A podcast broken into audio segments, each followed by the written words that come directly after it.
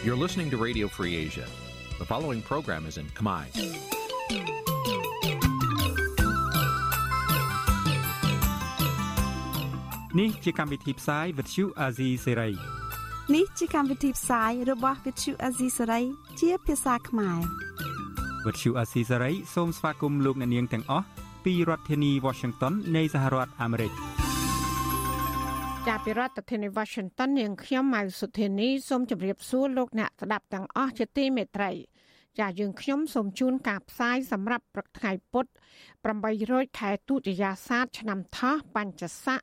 ពុទ្ធសករាជ2567ហើយដល់ត្រូវនៅថ្ងៃទី9ខែសីហាគ្រិស្តសករាជ2023ជាកិច្ចចាប់ដើមនេះនាងខ្ញុំសូមអញ្ជើញលោកអ្នកនាងកញ្ញាស្ដាប់ព័ត៌មានប្រចាំថ្ងៃដែលមានមេត្តាដូចតទៅ ព្រះមហាក្សត្រក៏ហៅបេក្ខជនតំណាងរាស្ត្រជាប់ឆ្នោត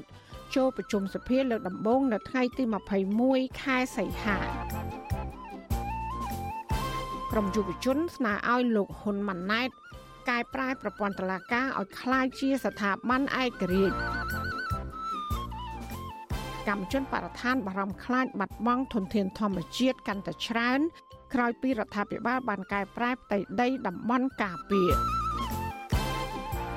បឡៅតូភ្នំពេញបន្តបើកសវនាការលើអ្នកភូមិឡពីង5នាក់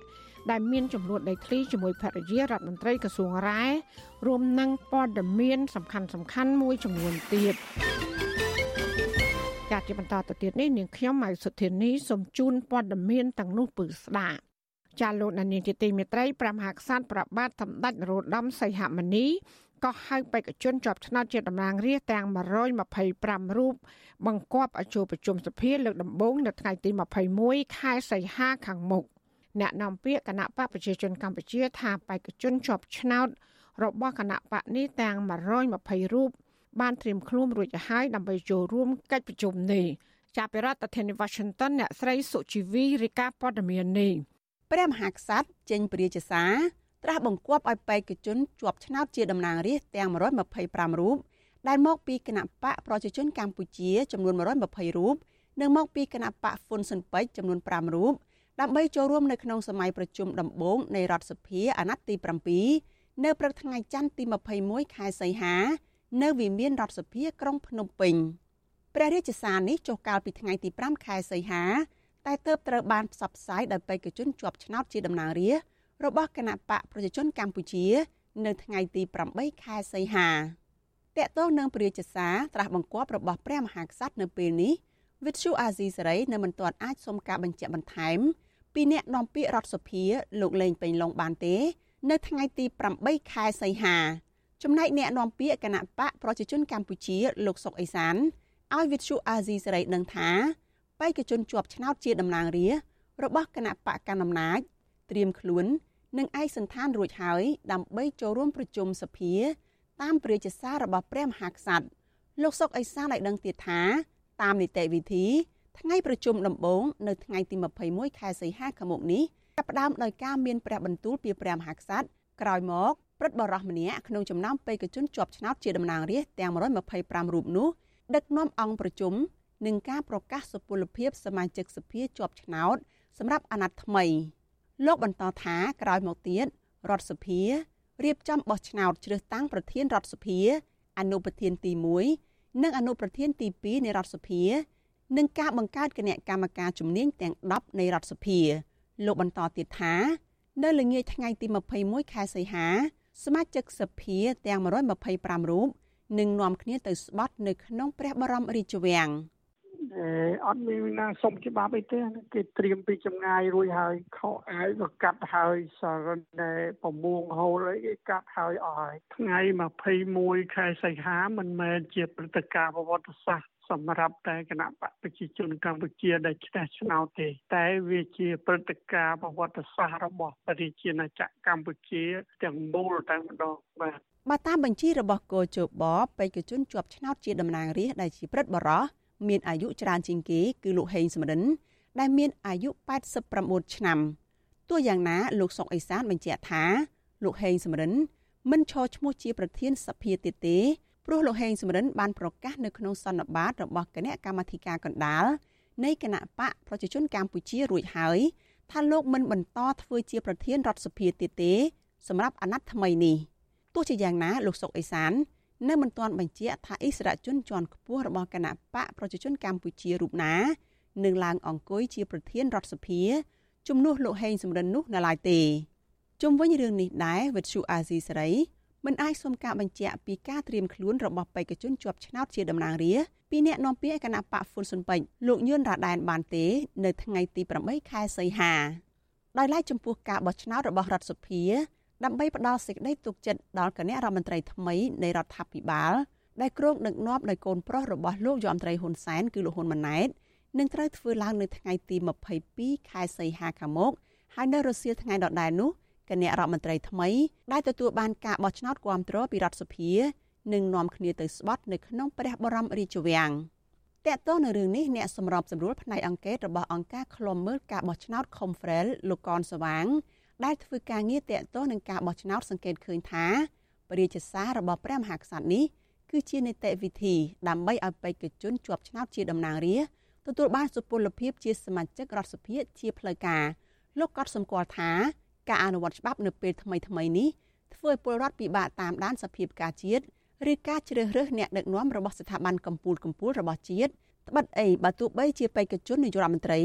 ត្រូវបានព្រះមហាក្សត្រត្រាស់បង្គាប់រួចរាល់ហើយក្តី តែបេក្ខជនប្រធានរដ្ឋសភា និងអនុប្រធានទី1និងអនុប្រធានទី2រដ្ឋសភា នៅមិនទាន់ត្រូវបង្ហាញនៅឡើយ។ចឹងសិតតែក្នុងការតាមដានសម្រាប់ខ្ញុំខ្ញុំតាមដានដែរហើយវាមានលក្ខណៈខុសពីមុនបន្តិចបាទហើយខ្ញុំពិបាកក្នុងការយល់ដែរនិយាយឲ្យមែនតើដោយសារតែច្បាប់នេះវាថ្មីណាការកែប្រែថ្មីអញ្ចឹងទាំងបទពិសោធន៍ទាំងការបកស្រាយទាំងការអនុវត្តជាក់ស្ដែងនេះវាស្ថិតនៅក្នុងការតាមដានទាំងអស់ទាំងគ្នាដែរបាទ ក្នុងដំណើរការនៃការផ្ទេរតំណែងនាយករដ្ឋមន្ត្រីពីលោកហ៊ុនសែនតទៅកូនប្រុសគឺលោកហ៊ុនម៉ាណែតនៅពេលនេះលោកហ៊ុនសែនបានបញ្ជាឲ្យកែរដ្ឋធម្មនុញ្ញដោយតែងតាំងបេក្ខជននាយករដ្ឋមន្ត្រីរបស់គណៈបកឈ្នះឆ្នោតដោយមិនបាច់ឆ្លងកាត់ការផ្ដាល់ទំនុកចិត្តពីរដ្ឋសភាដោយពេលមុនឡើយគឺគណៈបកឈ្នះឆ្នោតមានសិទ្ធិស្នើឈ្មោះបេក្ខជននាយករដ្ឋមន្ត្រីទៅព្រះមហាក្សត្រមុនកិច្ចប្រជុំដំបូងរបស់រដ្ឋសភាចំណែករដ្ឋសភា គឺត្រឹមតែបោះឆ្នោតផ្ដាល់ទំនុកចិត្តតាមក្រោយតែប៉ុណ្ណោះអ្នកវិភាគនយោបាយលោកកឹមសុខយល់ថា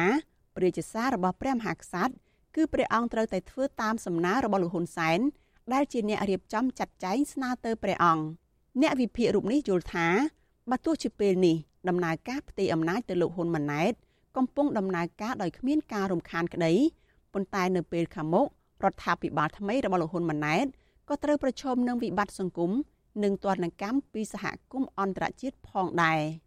ទាំងវិបត្តិនយោបាយវិបត្តិសេដ្ឋកិច្ចពាណិជ្ជកម្មវិបត្តិអត់ការងារធ្វើរបស់ប្រជាពលរដ្ឋវិបត្តិនៃភាពក្រីក្ររបស់ប្រជាពលរដ្ឋវិបត្តិសុខាភិបាលវិបត្តិអប់រំពីព្រោះតែ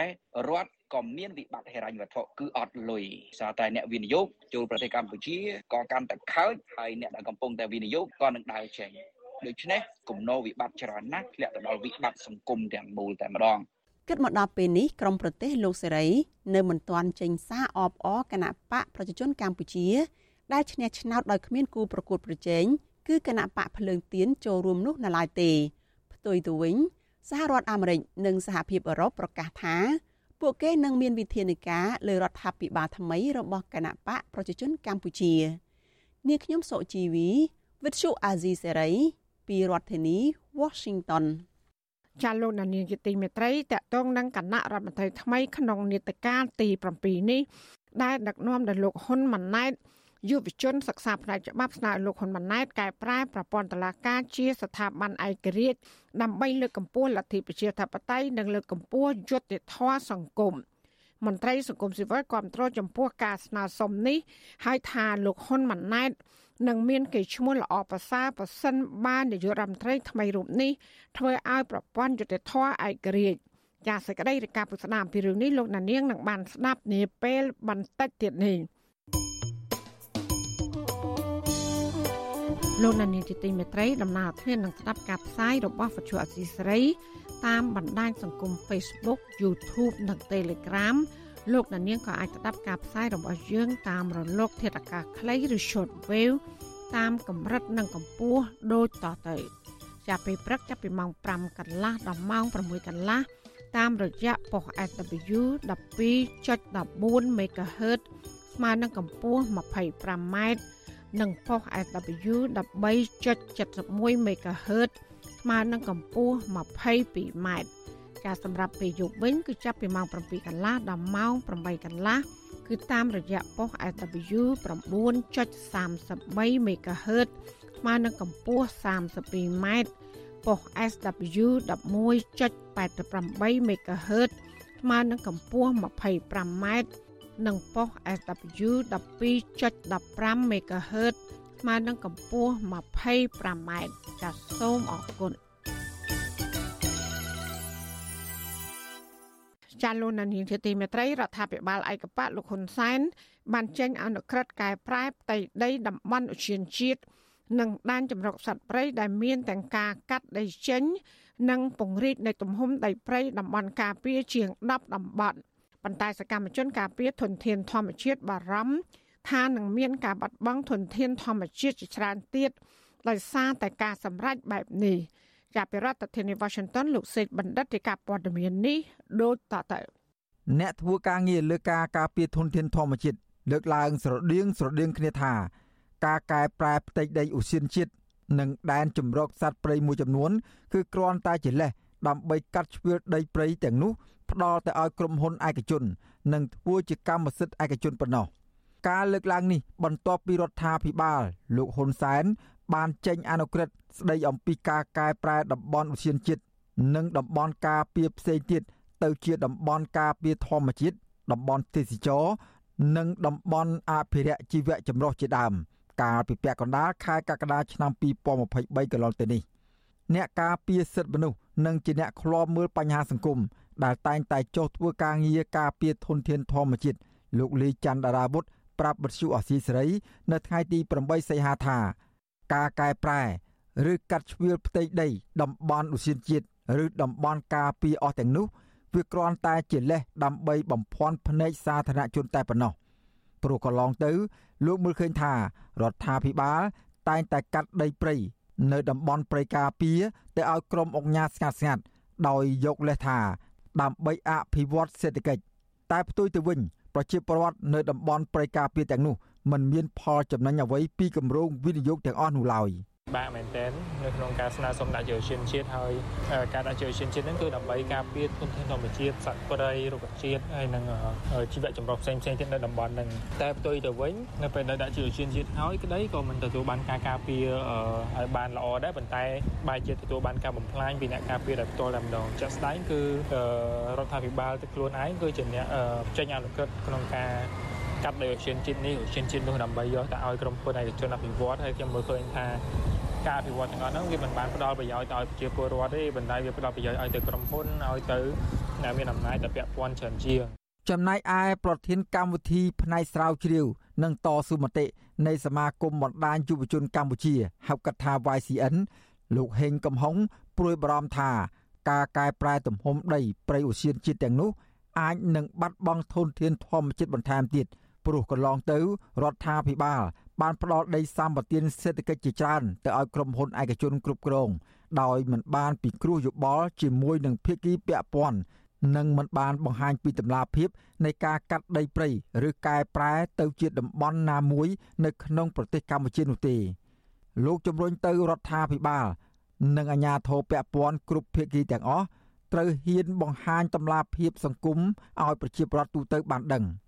ក្រៅពីនេះ លោកថាតំបន់ការពារមួយចំនួនកើនឡើងនៃទំហំដីដោយសារតែរដ្ឋាភិបាលបានដកហូតដីសម្បត្តិសេដ្ឋកិច្ចមួយចំនួន ពីក្រុមហ៊ុនឯកជន ដែលទទួលបានដីសម្បត្តិសេដ្ឋកិច្ចហើយមិនបានធ្វើការអភិវឌ្ឍអ្វីតតែសោះដោយគ្រាន់តែកាប់ប្រមូលឈើហើយទុកដីទាំងនោះទំនេរចោល។ ខ្ញុំយល់ថាដើម្បីជំរុញឲ្យមានតម្លាភាពល្អប្រសើរត្រូវចែកជាមួយនឹងភាគីពាក់ព័ន្ធជាពិសេសអ្នកធ្វើការនៅក្នុងវិស័យធនធានធម្មជាតិសង្គមអីជាដើមដើម្បីឲ្យពួកគេបានចូលរួមចំណែកនៅក្នុងការផ្ដល់ជិតចូលការពិភាក្សាផ្សេងផ្សេងជាវៀងការមិនមានការប្រឹក្សាយោបល់ហើយជាពិសេសគឺសហគមន៍មូលដ្ឋានគាត់សំខាន់គាត់គឺជាអ្នកនៅទីនេះផ្ទាល់គួរតែរៀបចំជាវេទិកាសាធារណៈដើម្បីឲ្យពួកគេបានចូលរួមចំណែកនៅក្នុងដំណើរការត្រួតពិនិត្យការវិតម្លៃ ពួកគេស្នើទៅរដ្ឋាភិបាលឲ្យលុបចោលរាល់គម្រោងអភិវឌ្ឍនានានៅក្នុងតំបន់ការពារធម្មជាតិនិងប្រើប្រាស់ឆន្ទៈពិតប្រាកដក្នុងការការពារព្រៃឈើដែលនៅសេសសល់រាល់ថ្ងៃនេះដោយសារតែពួកគេមើលឃើញថាកន្លងមកអាជ្ញាធររបស់រដ្ឋាភិបាលហាក់មិនអើពើក្នុងការទប់ស្កាត់បទល្មើសព្រៃឈើនោះទេ តែផ្ទុយទៅវិញអាជ្ញាធរទាំងនោះតែងតែធ្វើទុកបុកម្នេញទៅលើសកម្មជន ប្រជាពលរដ្ឋ ដែលសកម្មក្នុងការចូលរួមទប់ស្កាត់បទល្មើសព្រៃឈើវិទ្យុអស៊ីសេរីនៅពុំទាន់អាចតាក់ទងប្រធានអង្គភិបអ្នកណែនាំពាក្យរដ្ឋាភិបាលលោកផៃស៊ីផាន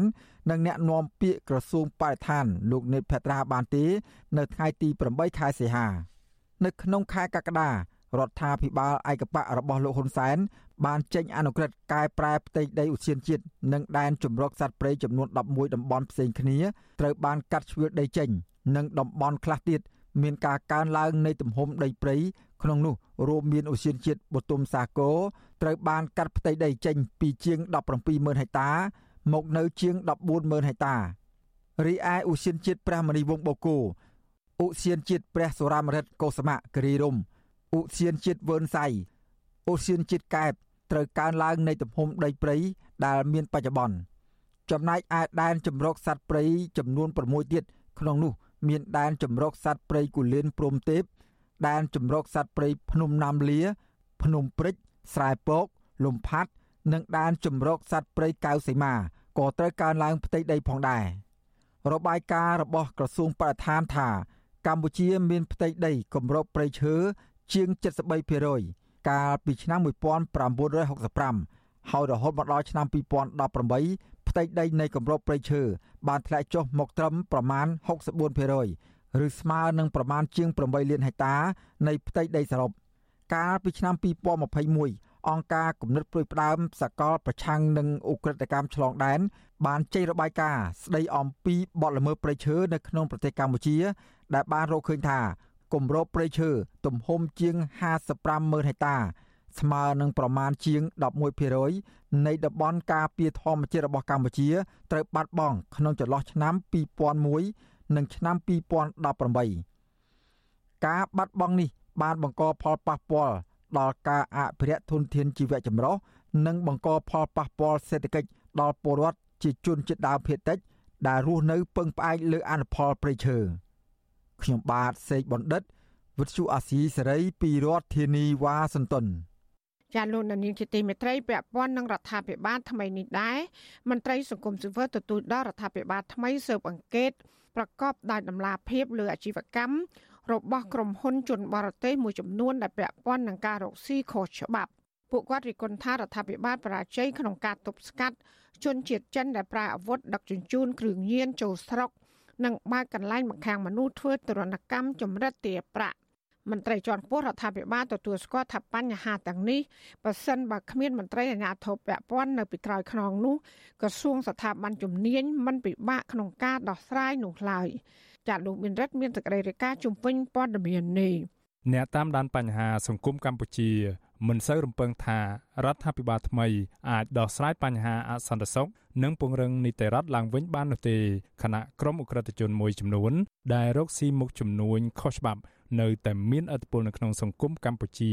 និងផ្ដល់ផលប្រយោជន៍ទៅឲ្យគណៈបកប្រជាជនកម្ពុជានោះនាយកទទួលបន្ទុកកិច្ចការទូតនៃអង្គការសិទ្ធិមនុស្សលីកាដូ លោកអំសំអាត ប្រាវិសុវស៊ីស្រីថាមានការងារជាច្រើនដែលរដ្ឋាភិបាលថ្មីត្រូវដោះស្រាយនិងពង្រឹងការអនុវត្តច្បាប់ដើម្បីធានាសន្តិសុខសង្គមលោកថារដ្ឋាភិបាលថ្មីគួរបង្កើនការរឹតបន្តឹងច្បាប់ និងស៊ើបអង្កេតទៅលើក្រុមហ៊ុនបរទេសមួយចំនួន ដែលអាចពាក់ព័ន្ធនឹងអាជីវកម្មខុសច្បាប់នៅលើទឹកដីកម្ពុជាដូចជាការបើករោងចក្រផលិតគ្រឿងញៀនការបង្ខាំងមនុស្សធ្វើទរណកម្មនិងស្វែងរកមេខ្លោងដែលផ្ដល់អាវុធឲ្យជនបរទេសទាំងនោះជាពិសេសជនជាតិចិនមួយចំនួន ដែលបាញ់បោះដោយសេរីតាមទីធ្លាសាធារណៈ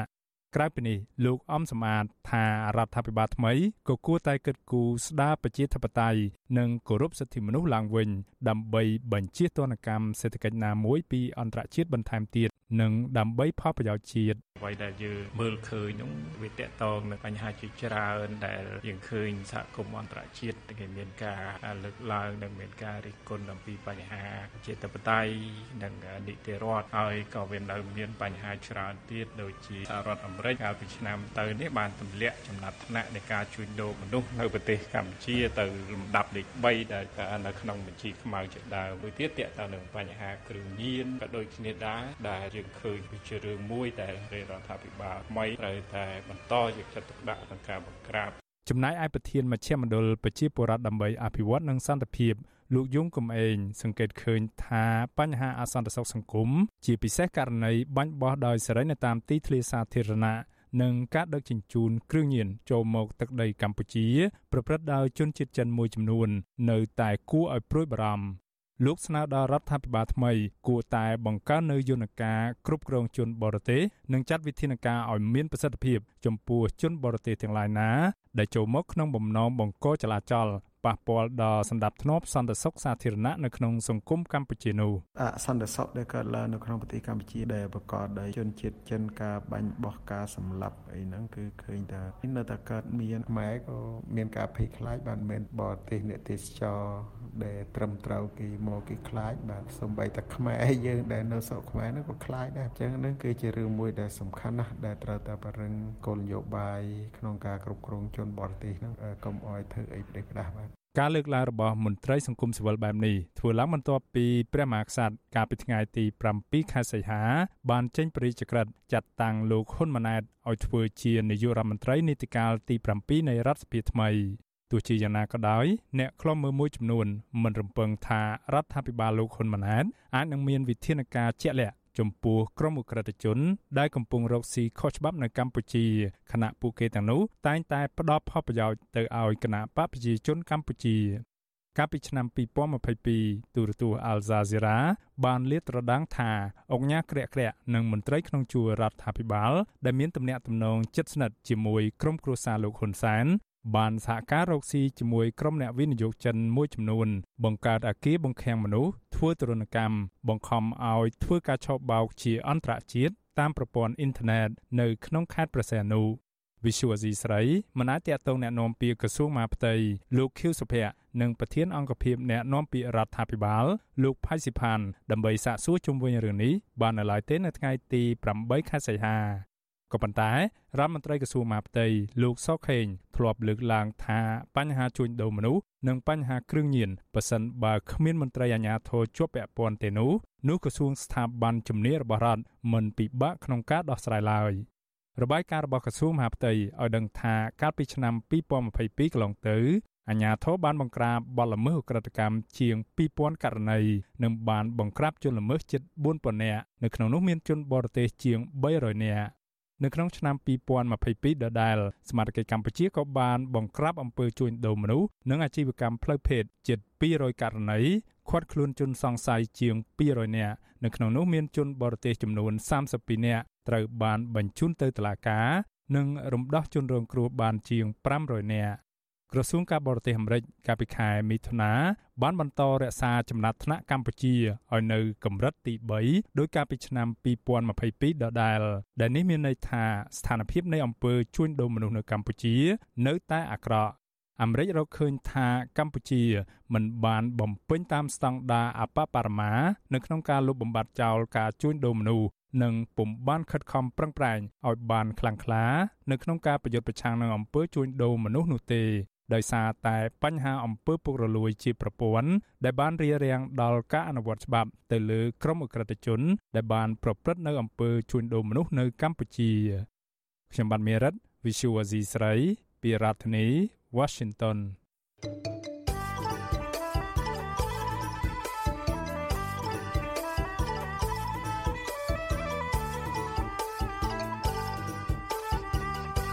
ចាលោកដានៀងជាទីមេត្រីសហគមន៍ឡោពីងនៅស្រុកកំពង់ត្រឡាចខេត្តកំពង់ឆ្នាំងខកចិត្តដែលសាលាអូតូភ្នំពេញមិនទទួលយកភ័ស្តុតាងនិងសាកសីដែលបញ្ជាក់ថាក្រុមហ៊ុន KDC បានបន្លំនិងគម្រាមកំហែងបរដ្ឋដែលមិនចេះអសរឲ្យចុះកិច្ចសន្យាទទួលយកសំណង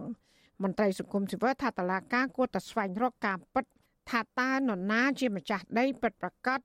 និងថាតើប្លង់កម្មសិទ្ធិឬក៏កិច្ចសន្យានោះ បានមកដោយរបៀបណាចាសសូមស្ដាប់សេចក្តីរាយការណ៍របស់លោកយ៉ងច័ន្ទតារាជំវិញព័ត៌មាននេះប្រជាពលរដ្ឋសហគមន៍លពីងចំនួន50នាក់បាននាំគ្នាទៅលើកទឹកចិត្តតំណាងរបស់ពួកគាត់ចំនួន5នាក់ដែលចូលរួមសវនាការសាឡាវធោភ្នំពេញកាលពីថ្ងៃទី8ខែសីហាដើម្បីស្នើដល់តុលាការជាន់ខ្ពស់មួយនេះឲ្យលុបចោលកិច្ចសន្យារវាងប្រជាពលរដ្ឋជាមួយនឹងក្រុមហ៊ុនរបស់អ្នកស្រីជាខេង ត្រូវជាភរិយារបស់លោកសុយសែមរដ្ឋមន្ត្រីក្រសួងរាយនឹងធម្មពល ដែលប្រជាពលរដ្ឋអះអាងថា បានបន្លំ និងគំរាមកំហែងដើម្បីឲ្យពលរដ្ឋទទួលយកសំណងតំណាងប្រជាពលរដ្ឋលោករាជសីមាថ្លែងថាមូលហេតុដែលប្រជាពលរដ្ឋបានដាក់ពាក្យបណ្ដឹងទៅកាន់តុលាការឲ្យមុខភាពលើកិច្ចសន្យានៅឆ្នាំ2014ពីព្រោះលោកថាក្រុមហ៊ុនបានបន្លំឲ្យប្រជាពលរដ្ឋដែលមិនចេះអក្សរឲ្យទទួលយកសំណងតិចតួច និងមិនស្របទៅតាមតម្លៃទីផ្សារជាក់ស្ដែង លោករាជសីមាឲ្យដឹងថាចៅក្រមសាឡាវធរបានព្យាយាមមិនអនុញ្ញាតឲ្យតំណាងដែលចេះអក្សរនិងយល់ដឹងច្រើនពីអង្គហេតុបានផ្ដល់ចម្លើយទៅដល់ចៅក្រមនោះទេហើយចៅក្រមក៏បានព្យាយាមសួរដាក់បន្ទុកទៅលើប្រជាពលរដ្ឋផងដែរដូច្នេះលោកមិនរំពឹងថាតុលាការនឹងផ្ដល់យុត្តិធម៌ដល់រូបលោក និងប្រជាពលរដ្ឋផ្សេងទៀតនោះទេលោកបញ្ជាក់ថាប្រសិនបើចៅក្រមសាឡាវធរមិនលុបចោលកិច្ចសន្យាដោយសាលាដំបងមែនគឺជាការសម្រេចលំអៀងទៅកាន់បុគ្គលមានលុយនិងមានអំណាច ម្យ៉ាងវិញទៀតលោកខកចិត្តដែលចៅក្រមជំនុំជម្រះដឹកនាំដោយលោកសួសំអាតមិនអនុញ្ញាតឲ្យតំណាងពលរដ្ឋ2នាក់ឆ្លើយបំភ្លឺបើទោះបីជាប្រជាពលរដ្ឋបានផ្តិតមេដាយទទួលស្គាល់តំណាងពួកគាត់ចំនួន5នាក់ក៏ដោយការប៉ះពាល់មកលើប្រជាពលរដ្ឋទី1ប្រជាពលរដ្ឋនៅតែអាអត់ដីធ្វើស្រែនិងធ្វើឲ្យប៉ះពាល់ជីវភាពរបស់ពួកគាត់គ្រួសារចំណាក់ប្រុសតបបែបយ៉ាងហើយជីវភាពក្រីក្រនៅតែក្រីក្ររឹតតែក្រីក្រឡើងហ្នឹងហើយហើយ ធ្វើឲ្យកូនពួកគាត់ចំណាក់ប្រុសទៅធ្វើការនៅថៃធ្វើការនៅអីកូនពួកគាត់អត់មានការងារធ្វើហើយសេដ្ឋកិច្ចឥឡូវដឹងហើយតែរោងចក្រកំពុងតែពុះគឺរឿង EVA រឿងអីហ្នឹងផងហើយប្រាក់ខែហើយអាគ្រួសារធ្វើការរោងចក្រហ្នឹងកំពុងតែអ្នកខ្លះធ្វើទៅអាពេលជួការងារងារទៅធ្វើឲ្យគាត់រត់តក្រទៅរត់តែវេទនាទៅបាទលោករេសីម៉ាថ្លែងទៀតថាប្រសិនបើពលរដ្ឋមិនអាចទទួលបានយុត្តិធម៌នៅសាលាឧទ្ធរទេលោកនិងប្រជាពលរដ្ឋផ្សេងទៀត នឹងបន្តដាក់ពាក្យបណ្ដឹងទៅកាន់តុលាការកំពូលដើម្បីទាមទារដីរបស់ខ្លួនដែលបាត់បង់មកវិញតំណាងពលរដ្ឋម្នាក់ទៀតលោកស្រីអ៊ុំសុភីចាត់ទុកសវនាការនេះថាជាការរៀបចំឲ្យភាគីក្រុមហ៊ុនឈ្នះពីព្រោះតែចៅក្រមមិនទទួលយកសាក់សីនិងភ័ស្តុតាងដែលពលរដ្ឋចង់បង្ហាញនោះទេលោកស្រីអ៊ុំសុភីនៅតែទទូចដល់ចៅក្រមឲ្យស្វែងរកការពិតដែលលោកស្រីចោទថាក្រុមហ៊ុនបានបន្លំនិងគំរាមកំហែងលើប្រជាពលរដ្ឋឲ្យចុះកិច្ចសន្យា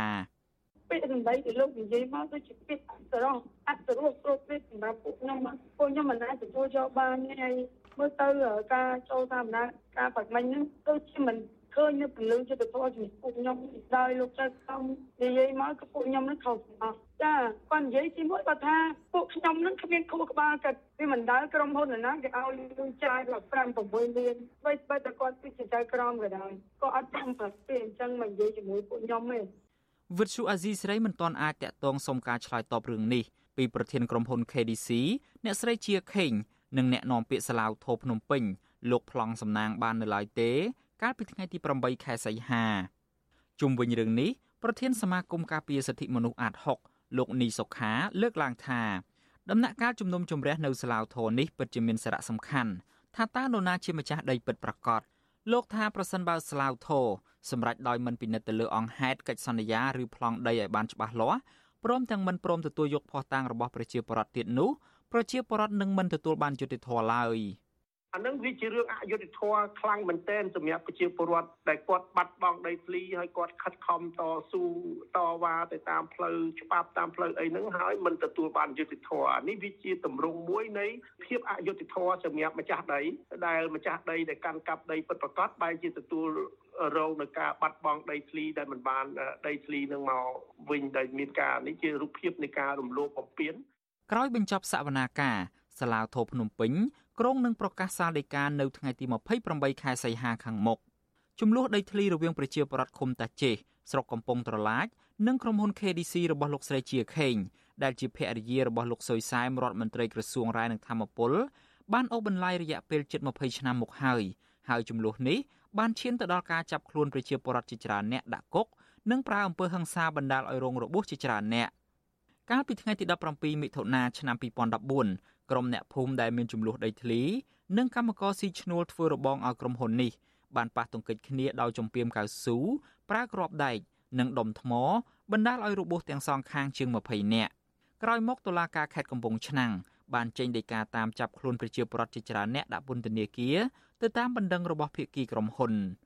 ខ្ញុំយ៉ងច័ន្ទដារាវិទ្យុអាស៊ីសេរី Washington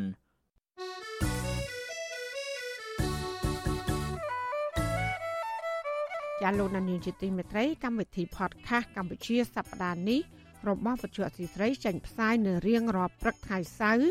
នៃសប្តាហ៍នីមួយៗមកនៅប្រទេសកម្ពុជា កម្មវិធីនេះរៀបចំដោយនាយកនិងនាយករងនៃកម្មវិធីការផ្សាយរបស់វិទ្យុអសីស្រីជាភាសាខ្មែរគឺលោកសំពូលីនិងលោកជុនច័ន្ទបុតចាសសូមប្រិយមិត្តស្វែងរកនិងស្ដាប់ podcast របស់យើង នៅលើកម្មវិធី podcast របស់ Apple, Google និង Spotify ដោយគ្រាន់តែសរសេរពាក្យថាកម្ពុជាសប្តាហ៍នេះឬ Cambodia this week នៅក្នុងប្រអប់ស្វែងរកតែយើងក៏នឹងចាប់ផ្សាយ podcast នេះឡើងវិញនៅក្នុងការផ្សាយផ្ទាល់របស់យើងតាមបណ្ដាញសង្គម Facebook YouTube និង Telegram នៅរៀងរាល់យប់ថ្ងៃច័ន្ទចាសសូមអរគុណ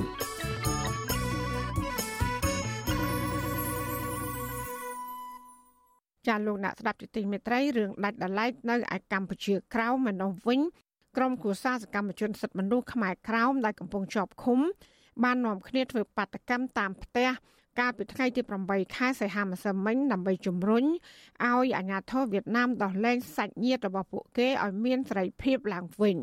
មន្ត្រីសង្គមស៊ីវិលយល់ឃើញថាការចាប់ប្រកាន់របស់តុលាការវៀតណាមលើសកម្មជនសិទ្ធិមនុស្សទាំងនោះ គឺផ្ទុយពីគោលការណ៍សិទ្ធិមនុស្សអន្តរជាតិចាលោកទីនហ្សាការីយ៉ារាយការណ៍ព័ត៌មាននេះក្រុមគ្រួសារសកម្មជនសិទ្ធិមនុស្សខ្មែរកម្ពុជាក្រោមអះអាងថាសាច់ញាតិរបស់ពួកគេមិនបានធ្វើសកម្មភាពកេងចំណេញលើសិទ្ធិសេរីភាពនិងបំពានលើផលប្រយោជន៍របស់រដ្ឋវៀតណាមដោយការចោទប្រកាន់របស់អាជ្ញាធរវៀតណាមនោះឡើយបងថ្លៃរបស់លោកតោហ្វាងជឿងគឺលោកចៅអ៊ិនតាំថ្លែងប្រាប់វិទ្យុអាស៊ីសេរីនៅថ្ងៃទី8សីហាពីខេត្តព្រះត្រពាំង ដែនដីកម្ពុជាក្រោមមកថាការធ្វើបាតកម្មនេះគឺដើម្បីឲ្យអាជ្ញាធរវៀតណាមដោះលែងប្អូនថ្លៃរបស់លោកគឺលោកតហ្វាងជើងឲ្យមានសេរីភាពឡើងវិញ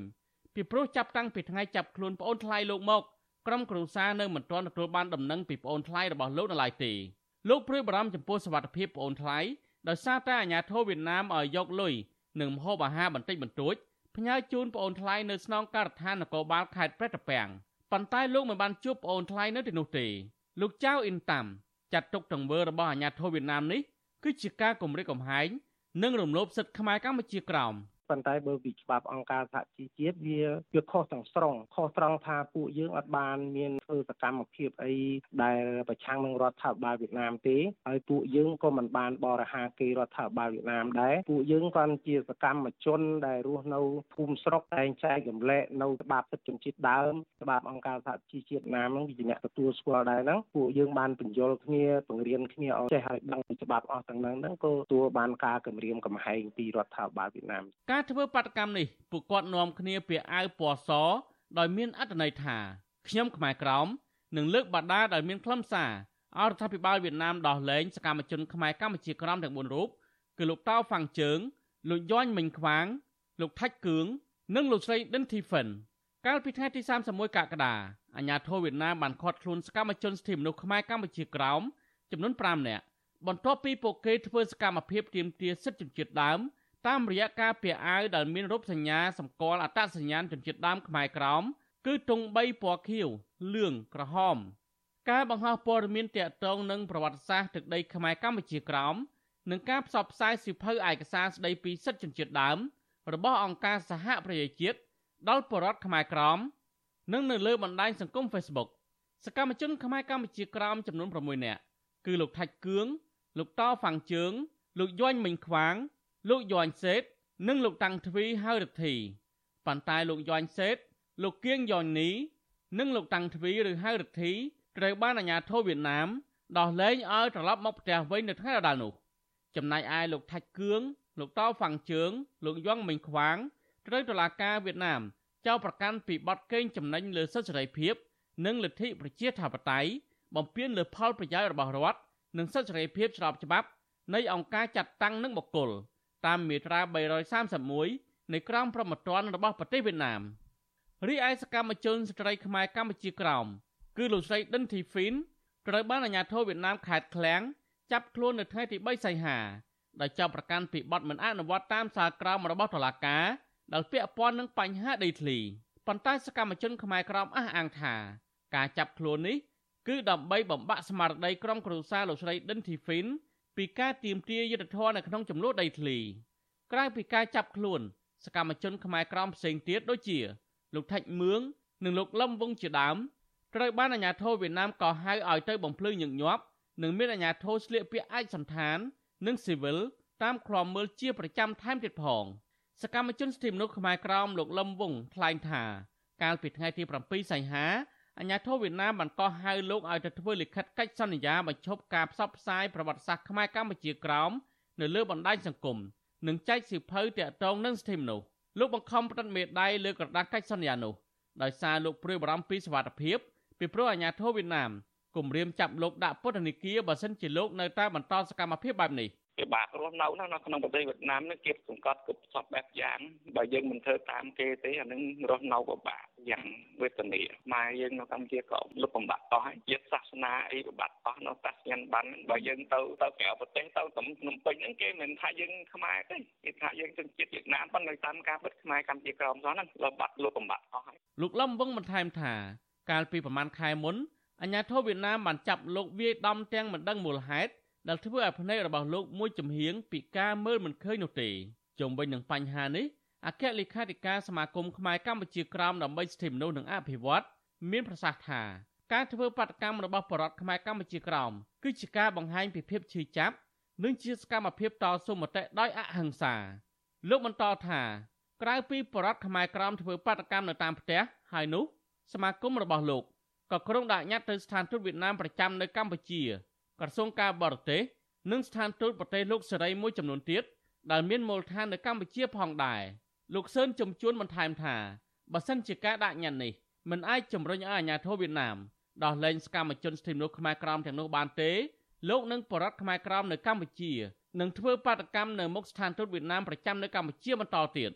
មានការអំពាវនាវទៅដល់ស្ថាប័នវៀតណាមឲ្យពិចារណាឡើងវិញតាក់ទងទៅនឹងការគុំខ្លួនសកម្មជនហ្នឹងហើយពិនិត្យឡើងវិញទៅលើកិច្ចច្បាប់ជាពិសេសច្បាប់របស់វៀតណាមហើយនឹងគោលការណ៍សិទ្ធិមនុស្សរបស់អង្គការសហប្រជាជាតិហ្នឹងឲ្យមានការដោះលែងប្រកបនឹងជាបន្តមានការអំពាវនាវឲ្យយើងខាងមានពលរដ្ឋកម្មជនវិរុទ្ធមានអំពាវនាវដូចគ្នាចឹងណាលេខាធិការដ្ឋាននៃអង្គការសមាគមខ្មែរកម្ពុជាក្រមនៅកម្ពុជា កាលពីថ្ងៃទី1សីហា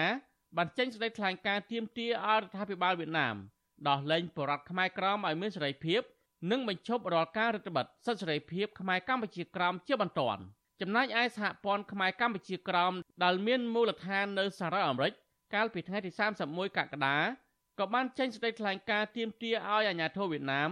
ដោះលែងសកម្មជនសិទ្ធិមនុស្សខ្មែរកម្ពុជាក្រមដូចគ្នាដែររីឯឯអគ្គរដ្ឋទូតសហរដ្ឋអាមេរិកសម្រាប់សេរីភាពសាសនាអន្តរជាតិលោករ៉ាសាតហ៊ូសែនកាលពីថ្ងៃទី4សីហា បានសរសេរនៅលើបណ្ដាញសង្គម Twitter ទទូចឲ្យរដ្ឋាភិបាលវៀតណាមដោះលែងសកម្មជនខ្មែរក្រោមជាប់ឃុំទាំងអស់ជាបន្ទាន់និងដោយគ្មានលក្ខខណ្ឌនឹងត្រូវបើកលំហសិទ្ធិសេរីភាពអនុញ្ញាតឲ្យសង្គមស៊ីវិលតស៊ូមតិដោយសន្តិវិធីដើម្បីការពារសិទ្ធិមនុស្សនិងសេរីភាពសាសនាដោយគ្មានការសងសឹកពីអាជ្ញាធររដ្ឋាភិបាលវៀតណាមខ្ញុំបាទធីនសាការីយ៉ាអស៊ីសេរីពីរដ្ឋធានី Washington ចាលោកណានយុជាទីមេត្រីចំណាយបរដ្ឋនៅឯខេត្តបាត់ដំបងឯនោះវិញ ដែលរស់នៅតាមបណ្ដោយស្ទឹងសង្កែមិនពេញចិត្តទៅនឹងវិធានការរបស់អាជ្ញាធរទៅលើក្រុមហ៊ុនចិន ដែលបានបញ្ចេញសារធាតុពុលចូលទៅក្នុងស្ទឹងសង្កែដោយសារតែពួកគាត់យល់ឃើញថាវិធានការនេះគឺមានភាពធូររលុងនិងបញ្ឆ្លោះបញ្ចាំងពីការទទួលខុសត្រូវនោះឡើយចាមន្ត្រីសង្គមស៊ីវិលស្នើអាជ្ញាធរនិងគណៈកម្មការចម្រុះ តាមដាននិងសង្កេតបញ្ហានេះជាបន្តទៀតពីព្រោះមិនមែនជាលើកទី1ឡើយដែលរោងចក្របានបង្ហូរកាកសំណល់ចូលទៅក្នុងស្ទឹងប្រជាពលរដ្ឋដែលរស់នៅនឹងប្រើប្រាស់ទឹកស្ទឹងសង្កែលើកឡើង ថាការបង្ហូរសារធាតុពុលរបស់រោងចក្រចិនចូលទៅក្នុងស្ទឹងសង្កែធ្វើឲ្យប៉ះពាល់ដល់បរិស្ថាននិងសុខភាពរបស់ពលរដ្ឋជាច្រើនអ្នក ដូច្នេះការចាត់វិធានការដោយត្រឹមតែផ្អាកដំណើរការរោងចក្រកន្លះខែបែបនេះមិនមែនជាការទទួលខុសត្រូវសមរម្យនិងមិនអាចទទួលយកបាននោះឡើយប្រជាប្រដ្ឋរស់នៅជាប់មាត់ស្ទឹងសង្កែក្នុងឃុំឈើទាស្រុកបាណន់លោកញឹកអរុនប្រាប់ជាស៊ីស្រីនៅថ្ងៃទី8ខែសីហាថាការចាត់វិធានការរបស់ក្រសួងឧស្សាហកម្មវិទ្យាសាស្ត្របច្ចេកវិទ្យានិងនវានុវត្តន៍លើរោងចក្រចិននេះហាក់មានភាពធូររលុង ពីព្រោះកន្លងមករោងចក្រនេះបានបង្ហូរកាកសំណល់មានជាតិពុលចូលទៅក្នុងស្ទឹងចំនួន3ឆ្នាំជាប់ជាប់គ្នាមកហើយលោកបន្តថាការចាត់វិធានការដែលគ្រាន់តែចុះកិច្ចសន្យាបែបនេះគឺជាការខ្វះការទទួលខុសត្រូវរបស់អាជ្ញាធរនិងម្ចាស់រោងចក្រដែលធ្វើឲ្យប៉ះពាល់បរិស្ថាននិងបញ្ហាសុខភាពរបស់ពលរដ្ឋ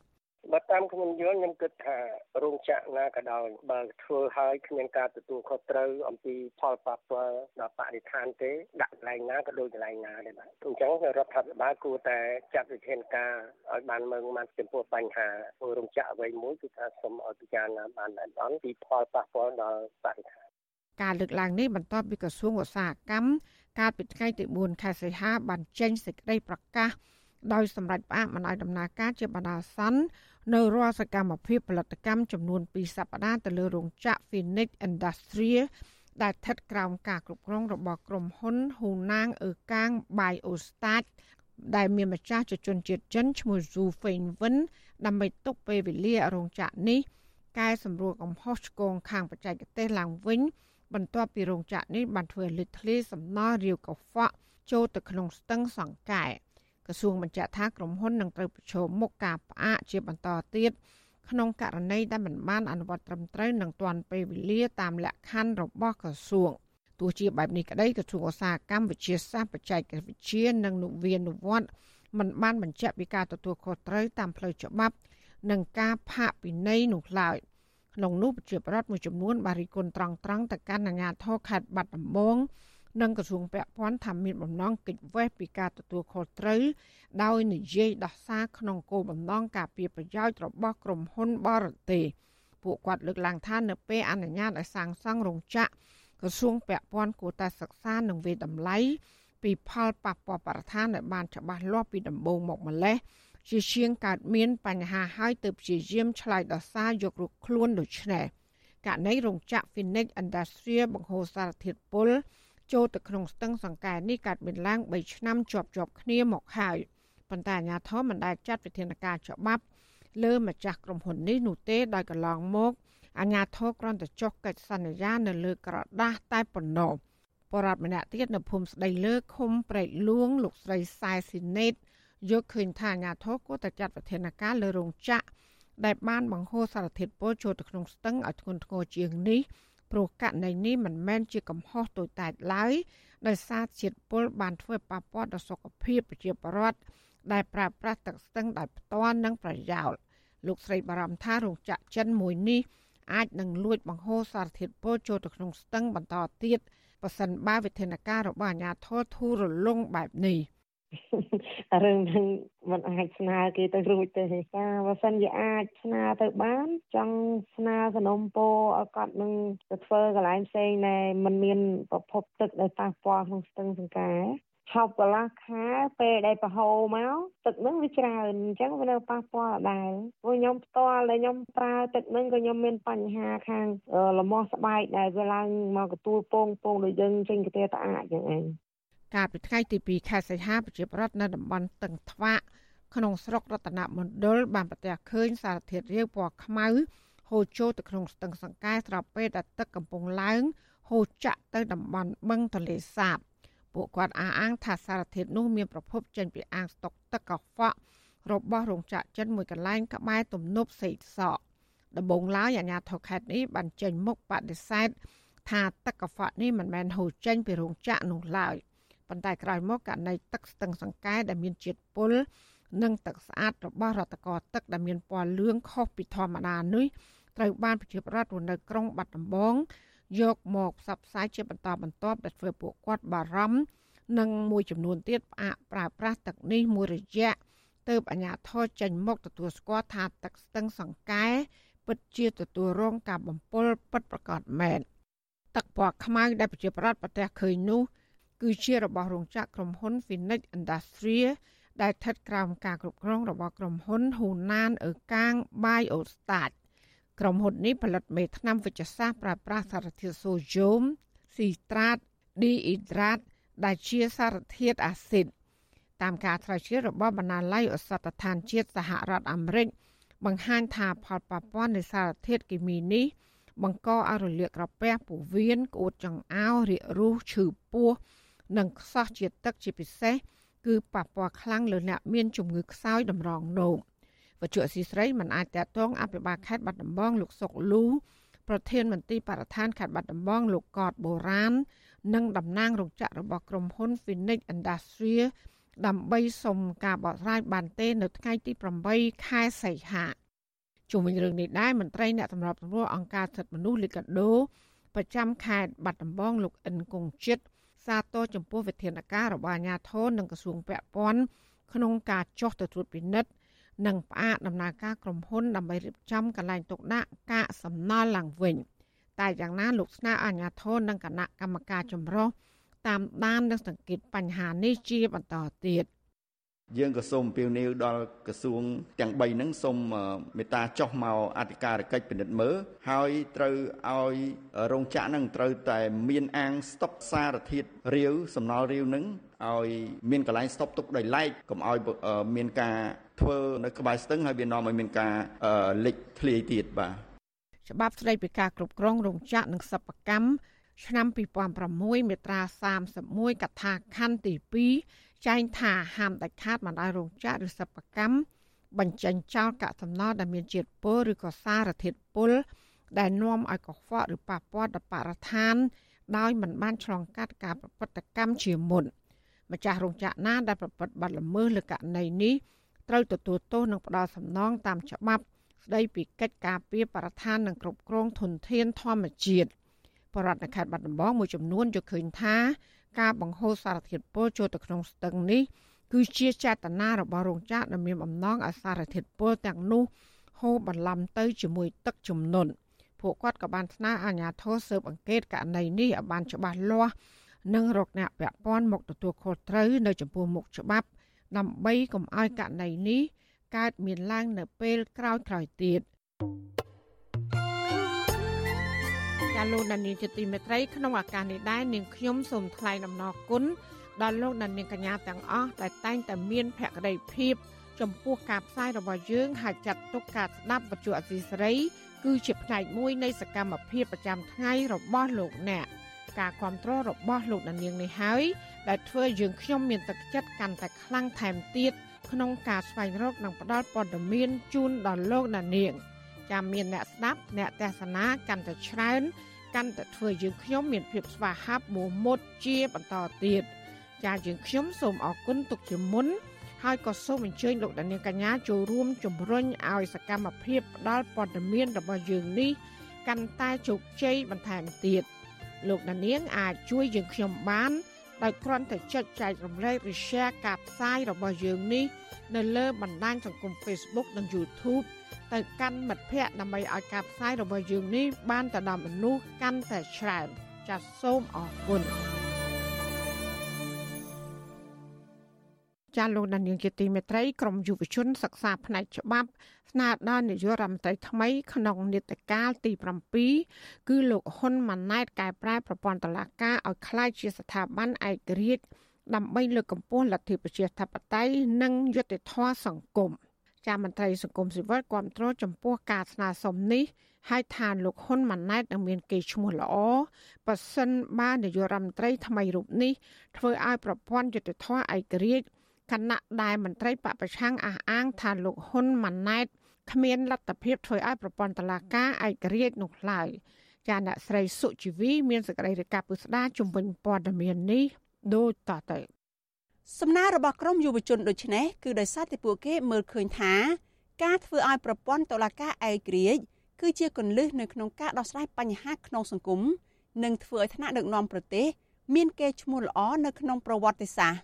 និស្សិតឆ្នាំទី4ផ្នែកនីតិសាស្ត្រនៃសាកលវិទ្យាល័យភូមិន្ទនីតិសាស្ត្រនិងវិទ្យាសាស្ត្រសេដ្ឋកិច្ចកញ្ញាហេងកឹមសួរយល់ឃើញថា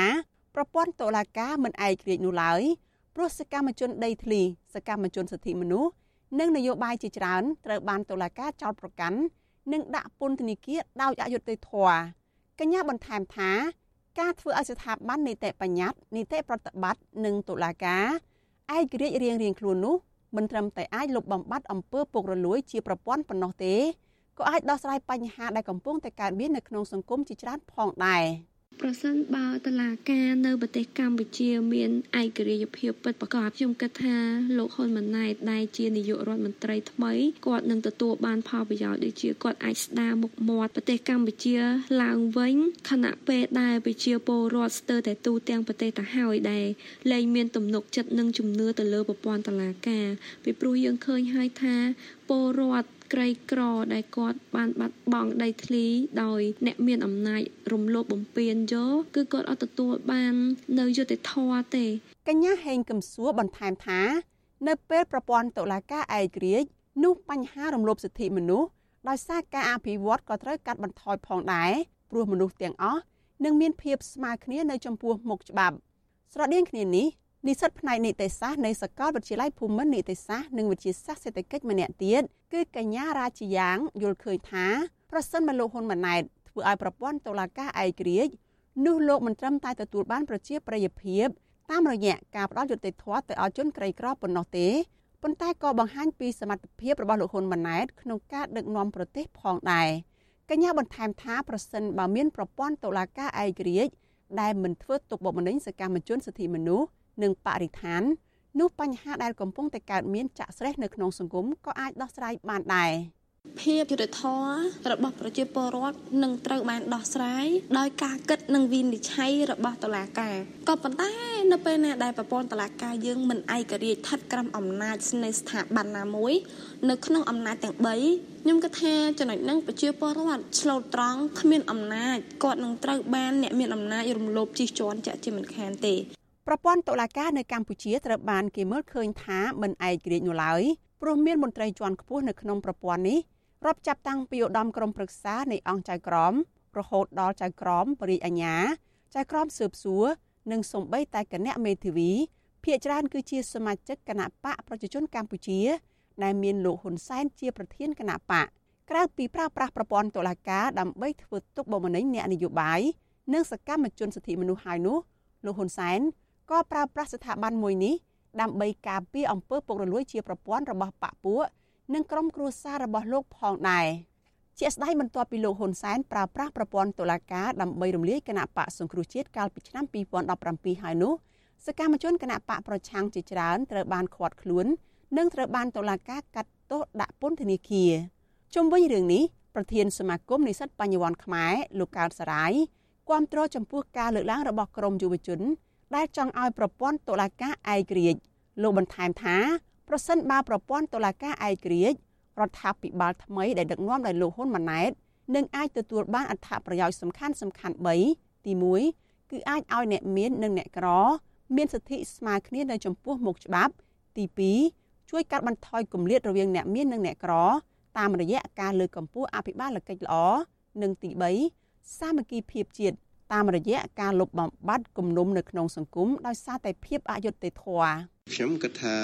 លោកហ៊ុនម៉ាណែតគួរតែពិចារណាហើយយកចិត្តទុកដាក់ចាប់អារម្មណ៍ឲ្យខ្ពស់ចំពោះប្រព័ន្ធយុតិធធម៌នៅកម្ពុជា ពីព្រោះប្រព័ន្ធយុតិធធម៌វានឹងคล้ายទៅជាកត្តាដ៏ចម្បងនៅក្នុងការជំរុញទៅកាន់វិស័យផ្សេងផ្សេងឲ្យមានប្រសិទ្ធភាពឬក៏ឲ្យមានសក្តានុពលនៅក្នុងការអនុវត្តរបាយការណ៍ស្ដីពីសន្ទុះនីតិរដ្ឋប្រចាំឆ្នាំ2022 របស់អង្គការគម្រោងយុត្តិធម៌ពិភពលោកបង្ហាញថា កម្ពុជាជាប់ចំណាត់ថ្នាក់បាតតារាង គឺនៅលេខរៀង139នៅក្នុងចំណោម140ប្រទេសគឺគ្រាន់បើតែជាងប្រទេសវេណេស៊ុយអេឡាមួយតែប៉ុណ្ណោះលទ្ធផលចំណាត់ថ្នាក់បាតតារាងនេះគឺផ្អែកទៅលើការវិតម្លៃស្ថានភាពជាក់ស្ដែងជាមួយប្រជាពលរដ្ឋនៅទូទាំងប្រទេសជាង1000គ្រួសារអំពីដែនកំណត់អំណាចរដ្ឋាភិបាល ការលុបបំបាត់អំពើពុករលួយ រដ្ឋាភិបាលបើកទូលាយសិទ្ធិជាមូលដ្ឋានសម្ដាប់ធ្នាប់និងសន្តិសុខសង្គមការពង្រឹងការអនុវត្តច្បាប់យុត្តិធម៌ផ្នែករដ្ឋបវេនីនិងផ្នែកព្រហ្មទណ្ឌវិទ្យុអាស៊ីសេរីនៅមិនទាន់អាចតាក់ទងแนะនាំពាក្យគណៈបកប្រជាជនកម្ពុជាលោកសុកអេសានដើម្បីបកស្រាយជុំវិញរឿងនេះបាននៅឡើយទេនៅថ្ងៃទី8ខែសីហាដោយឡែកប្រធានប្រតិបត្តិគណៈបកភ្លើងទៀននៅខេត្តបៃលិនដែលកំពុងភៀសខ្លួនដោយសារតែការគម្រាមកំហែងពីប្រព័ន្ធតុលាការ លោកខមនីកុសលយល់ឃើញថាដោយសារគ្រួសារត្រកូលហ៊ុនមន្ត្រីជាន់ខ្ពស់គណៈបកប្រជាជនកម្ពុជាភៀកច្រើន ប្រព្រឹត្តអំពើពុករលួយដូច្នេះបើទោះបីជាលោកហ៊ុនម៉ាណែតចង់ឲ្យប្រព័ន្ធតុលាការមានឯករាជ្យក៏លោកមិនអាចធ្វើទៅរួចដែរលោកបន្ថែមថាលោកហ៊ុនម៉ាណែតក៏នៅតែបន្តប្រើប្រាស់ប្រព័ន្ធតុលាការជាឧបករណ៍នយោបាយដើម្បីគៀបសង្កត់អ្នកដែលមាននិន្នាការនយោបាយផ្ទុយពីលោកដើម្បីរក្សាអំណាចផងដែរ ព្រោះលោកបានតួនាទីជានាយករដ្ឋមន្ត្រីដោយសារតែការបោះឆ្នោតคล้ายៗនិងការគម្រាមកំហែងប្រជាពលរដ្ឋតុលាការទៅថ្ងៃមុខយុទ្ធធម៌មិនយុទ្ធធម៌តតែមានប្រព័ន្ធប្រជាធិបតេយ្យមួយពិតប្រកបមិនមែនคล้ายคล้ายមិនមែនលេងសើចដូចសពថ្ងៃនេះអាហ្នឹងប្រព័ន្ធតុលាការនឹងមានភាពប្រសើរឡើងហើយប៉ុន្តែបើប្រព័ន្ធដឹកនាំរាល់ថ្ងៃបែបផ្ដាច់ការបែបនេះគឺ ខ្ញុំមិនសង្ឃឹមសោះឡើយថានឹងមានតុលាការមួយល្អប្រសើរសម្រាប់ប្រជាពលរដ្ឋកម្ពុជាទេអ្នកវិភាគនយោបាយលើកឡើងថាលោកហ៊ុនម៉ាណែតនឹងមិនធ្វើឲ្យតុលាការឯករាជ្យដើម្បីបើកលំហប្រជាធិបតេយ្យនិងលើកកម្ពស់ការគោរពសិទ្ធិមនុស្សនោះទេព្រោះតួនាទីនាយករដ្ឋមន្ត្រីដែលលោកហ៊ុនម៉ាណែតទទួលបានគឺដោយសារតែការលើកបន្ទប់របស់លោកហ៊ុនសែនតែប៉ុណ្ណោះទោះជាយ៉ាងណាក្រមយុវជនក៏នៅតែទទូចឲ្យលោកហ៊ុនម៉ាណែត ធ្វើឲ្យប្រព័ន្ធតុលាការឯករាជ្យដើម្បីបញ្ជាការដាក់ទណ្ឌកម្មសេដ្ឋកិច្ចពីបណ្ដាប្រទេសនាំមុខលទ្ធិប្រជាធិបតេយ្យនិងទទួលបានការគ្រប់គ្រងពីប្រជាពលរដ្ឋក្នុងការដឹកនាំប្រទេសនាងខ្ញុំសុជីវីវិទ្យុអាស៊ីសេរីពីរដ្ឋធានី Washington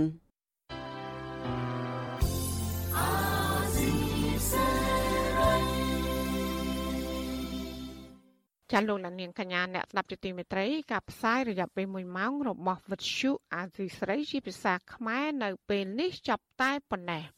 ចាយើងខ្ញុំទាំងអស់គ្នាសូមជូនពរលោកលានាងនិងក្រុមគ្រួសារទាំងអស់សូមជួបប្រកបតែនឹងសេចក្តីសុខសេចក្តីចម្រើន ជានិរន្តរ៍ចានាងខ្ញុំម៉ៅសុធានីព្រមទាំងក្រុមការងារទាំងអស់របស់អាស៊ីស្រីសូមអរគុណនិងសូមជម្រាបលា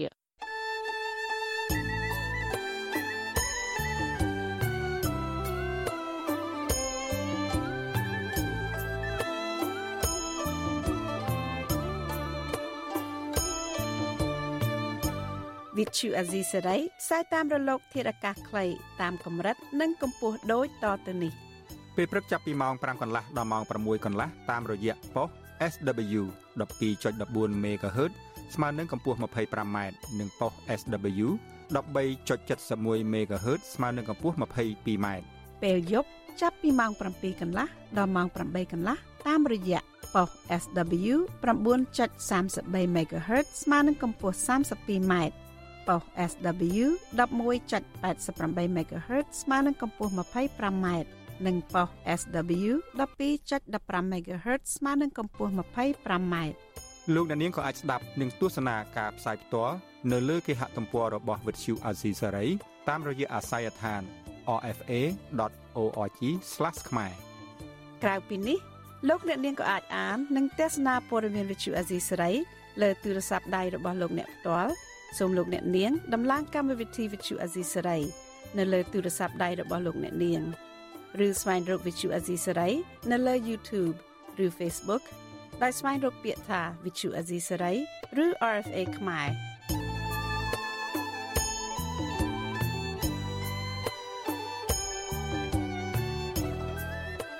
សូមលោកអ្នកនាងចុច like follow និងចុច subscribe ដើម្បីទទួលបានព័ត៌មានថ្មីៗទាន់ហេតុការណ៍ និងទស្សនាវីដេអូផ្សេងៗទៀតបានគ្រប់ពេលវេលា thank you